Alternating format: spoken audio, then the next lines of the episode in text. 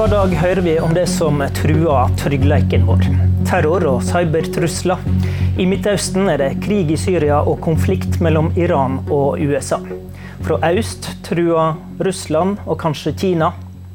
Politisk kvarter har invitert seg sjøl til Natos hovedkvarter og studio her, og har Jens Stoltenberg med i sendinga. Velkommen til sendinga, Jens Stoltenberg. Takk skal du ha. La oss begynne inne i alliansen. Denne veka er Brussel opptatt av at Storbritannia går ut av EU. Har det noe å si for Nato og for den globale tryggingssituasjonen? Nei, ikke direkte for Nato. Det at Storbritannia forlater EU, det forandrer Storbritannias forhold til EU, men det forandrer ikke landets forhold til Nato. Om noe så gjør det Nato enda viktigere for Storbritannia. Fordi da blir Nato en plattform der de kan møte allierte. Og den blir viktigere når de da mister EU som en plattform. Jeg tror generelt at i usikre tider så trenger vi sterke internasjonale institusjoner som EU, men også som Nato. Jeg dro ei liste av trusler i starten her. Hva er det grunn til å være mest urolig for eller påpasselig overfor i verden i dag? Jeg tror det er veldig farlig å begynne å liste en rangordning på hvilke trusler som er de farligste. For da kan man fort overse det faktum at verden Vi alle har vært veldig dårlige til å forutse kriser før de faktisk har vært der. Så det viktigste er å være forberedt på det uforberedte, kunne reagere raskt når noe skjer. Det var knapt noen som forutså terrorangrepene mot USA 11.9.2001. Det var veldig få som greide å forutse Russlands annektering av Krim. Og bare uker før ISIL plutselig kontrollerte store deler av Syria og Irak og truet Bagdad, så var det veldig få eksperter som forutså at det ville skje. Så jeg er mindre opptatt av å prøve å peke på dette er den store faren, men mer være klar at det er mye usikkerhet, mye uforutsigbarhet, og så være beredt til å håndtere det. Og I din periode så har det jo vært en utvikling der, der Nato-landene bruker mer penger på forsvar og, og bygger opp. Er vi i en periode i historien der opprustning trengs? Jeg skulle ønske vi var i en periode der vi kunne ruste ned. og Selv har jeg vært politiker både i perioder hvor har rustet opp og ned. og Det er klart det er hyggeligere å bruke mindre penger på forsvar enn å bruke mer penger på forsvar. Alle Nato-land, også Norge, reduserte forsvarsutgiftene etter den kalde krigens slutt. Det forstår jeg godt. Det var bred politisk enighet om det, for da gikk spenningen og truslene ned. Men når vi bruker mindre penger på forsvar når truslene går ned, så må vi dessverre bruke mer penger på forsvar når truslene går opp. Gikk det, gikk det for langt i forrige periode Nei, etter den kalde krigen? jeg vil ikke si at vi gikk for langt, men, men, men prisen vi da alle betaler, og snakker ikke bare om Norge, men, men alle, de aller fleste Nato-land, det er at vi nå må dessverre øke en del. Men hva er det egentlig som gjør det? Hva er grunnen til det? Det er summen av mange ting. Det er jo for det første et mer selvhevdende Russland, som, som vi prøvde å gjøre til en veldig nær samarbeidspartner. Det har ikke skjedd. Tvert imot har Russland vært villig til å bruke militær makt mot naboland. Det mest alvorlige er selvfølgelig bruk av militærmakt mot Ukraina. At de tar en del av Ukraina-Krim og fortsetter å destabilisere Ukraina. Det er, det er, det at vi ser terror på en mer brutal måte og mer omfattende måte enn vi har sett før. Det gjaldt spesielt IS, eller ISIL, og deres sånn tilstedeværelse i, Irak og, og, Syria. Og det er også simpelthen det at den globale maktbalansen endrer seg med et stadig sterkere Kina som vokser fram.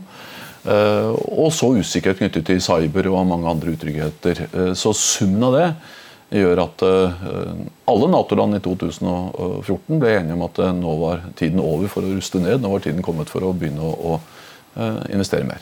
La oss gå til Midtøsten, som har vært i fokus så langt i 2020. Den amerikanske presidenten Trump har etterlyst at Nato engasjerer seg mer i Midtøsten. Han har bl.a. lansert et mulig navn på dette engasjementet, Natomi. Hva oppfatter du som det sentrale poenget i hans etterlysning?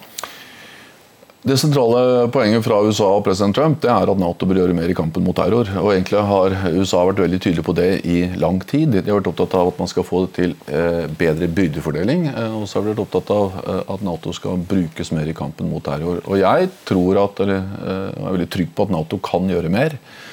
Ikke først og fremst i store kampoperasjoner, men i form av å trene, bygge lokal kapasitet. Eh, det er mye bedre eh, om vi kan gjøre lokale styrker, lokale regjeringer i stand til å bekjempe terror selv, stabilisere sine egne land, enn at Nato går inn i store kampoperasjoner. og nettopp Der tror jeg Nato kan gjøre mye. Så ditt svar på dette er ja, du ønsker at Nato skal engasjere seg mer i Midtøsten? Ja, det er det, men hele tiden basert på det at jeg eh, ikke ser for meg at Nato skal inn i store eh, kampoperasjoner, men bygge lokal kapasitet, eh, trene lokale styrker. Det gjør vi allerede i dag med land som Tunis eller Jordan. Vi gjør det også i noen grad i Irak, og vi har en ganske stor treningsmisjon i Afghanistan. Når Nato går inn med militære styrker i kampoperasjoner, så vil vi alltid bli betraktet som fremmede, som utlendinger, som potensielle eh, okkupanter. Eh, så det er ikke en bra situasjon å være i, verken for Nato eller for det landet. Ja, er ikke den faren her, da, hvis Nato skal ta over det som nå har, til nå har vært eh, USA-leda eh, engasjement i Irak? Ja, det er litt av hvilken type operasjoner vi snakker om. Jeg tror ikke Nato skal ta over alt, men jeg tror at Nato kan gjøre mye mer når det gjelder å gjøre land i stand til å forsvare seg selv, til å bekjempe terror selv. Det er bra for de landene, men det er også bra for oss. Vi må huske grunnen til at eh, vi alle gikk inn, eh, også Nato.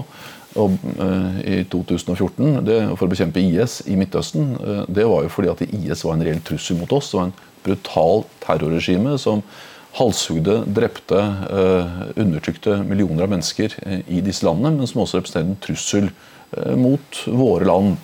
Og jeg opplever at Fra høyre til venstre i det politiske landskapet i Europa og i USA så var det bred enighet om at dette ikke kunne fortsette. og Da måtte vi inn med tung militærmakt for å bekjempe IS.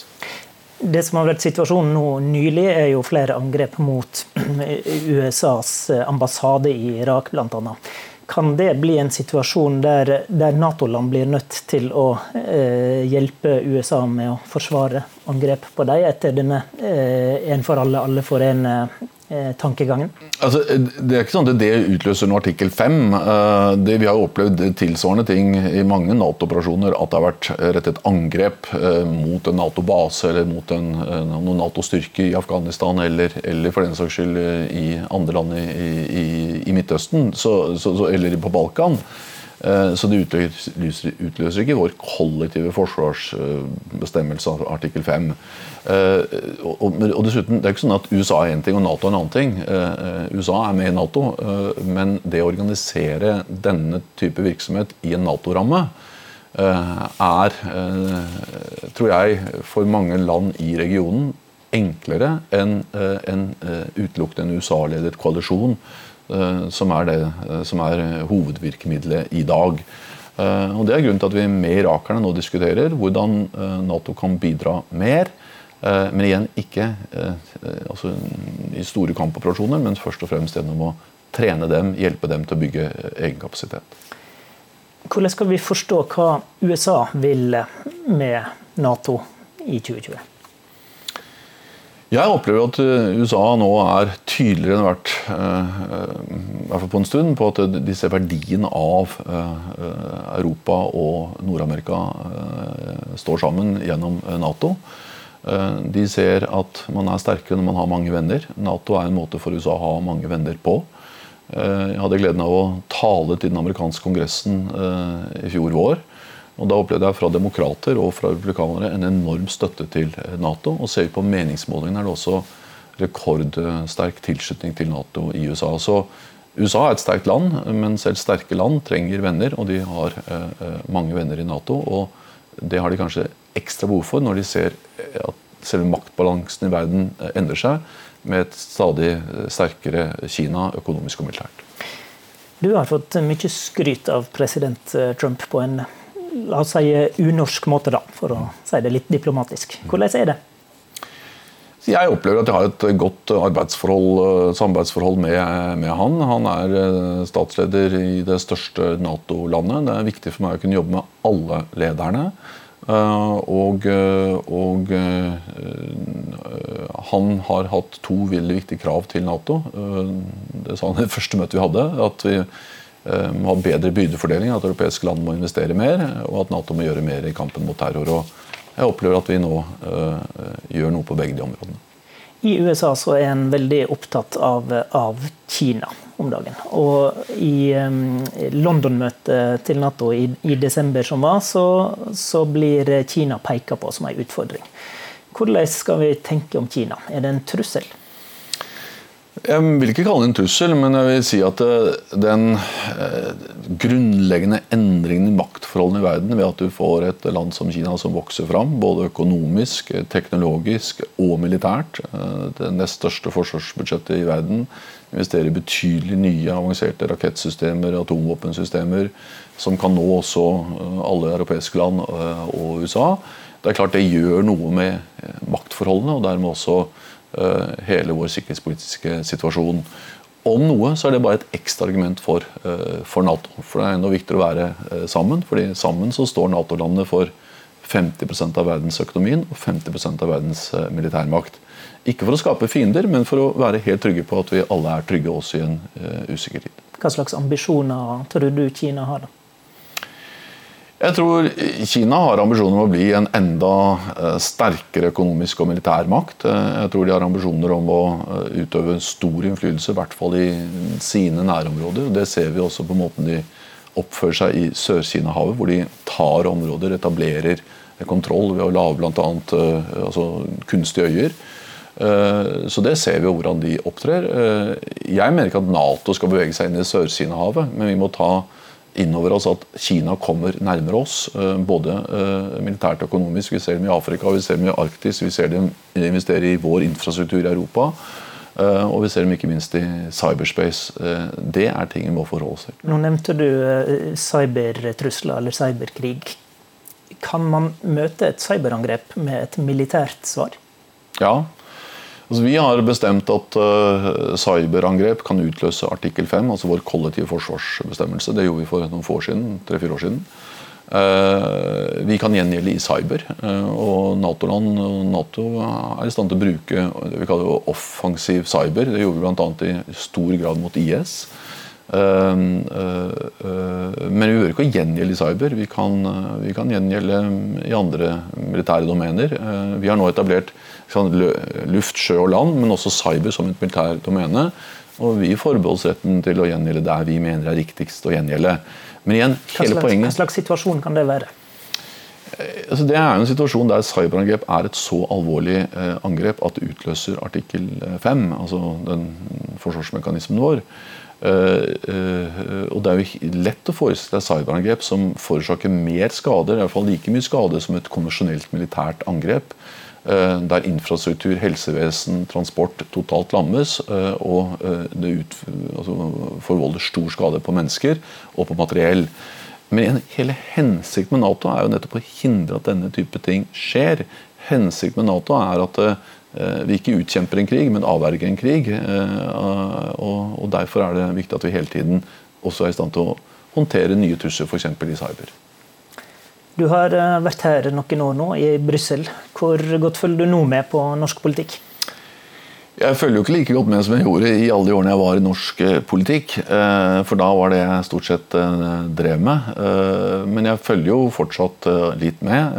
Jeg, jeg hører litt på, på Politisk kvarter. Ikke, ikke, så mye som jeg gjorde før, men, men jeg, og jeg ser litt norske aviser og leser litt norske aviser og ser litt på nyheter. Men, men det er mer stykkevis og delt. Og, og du har fått med deg at det har vært et regjeringsskifte? Det har jeg. Vi får ta avslutte med en quiz. da. Hvem er fiskeriminister i Norge? Nei, det vet jeg dessverre ikke. Takk for at du var gjest i Politisk kvarter, Jens Stoltenberg. Tusen takk.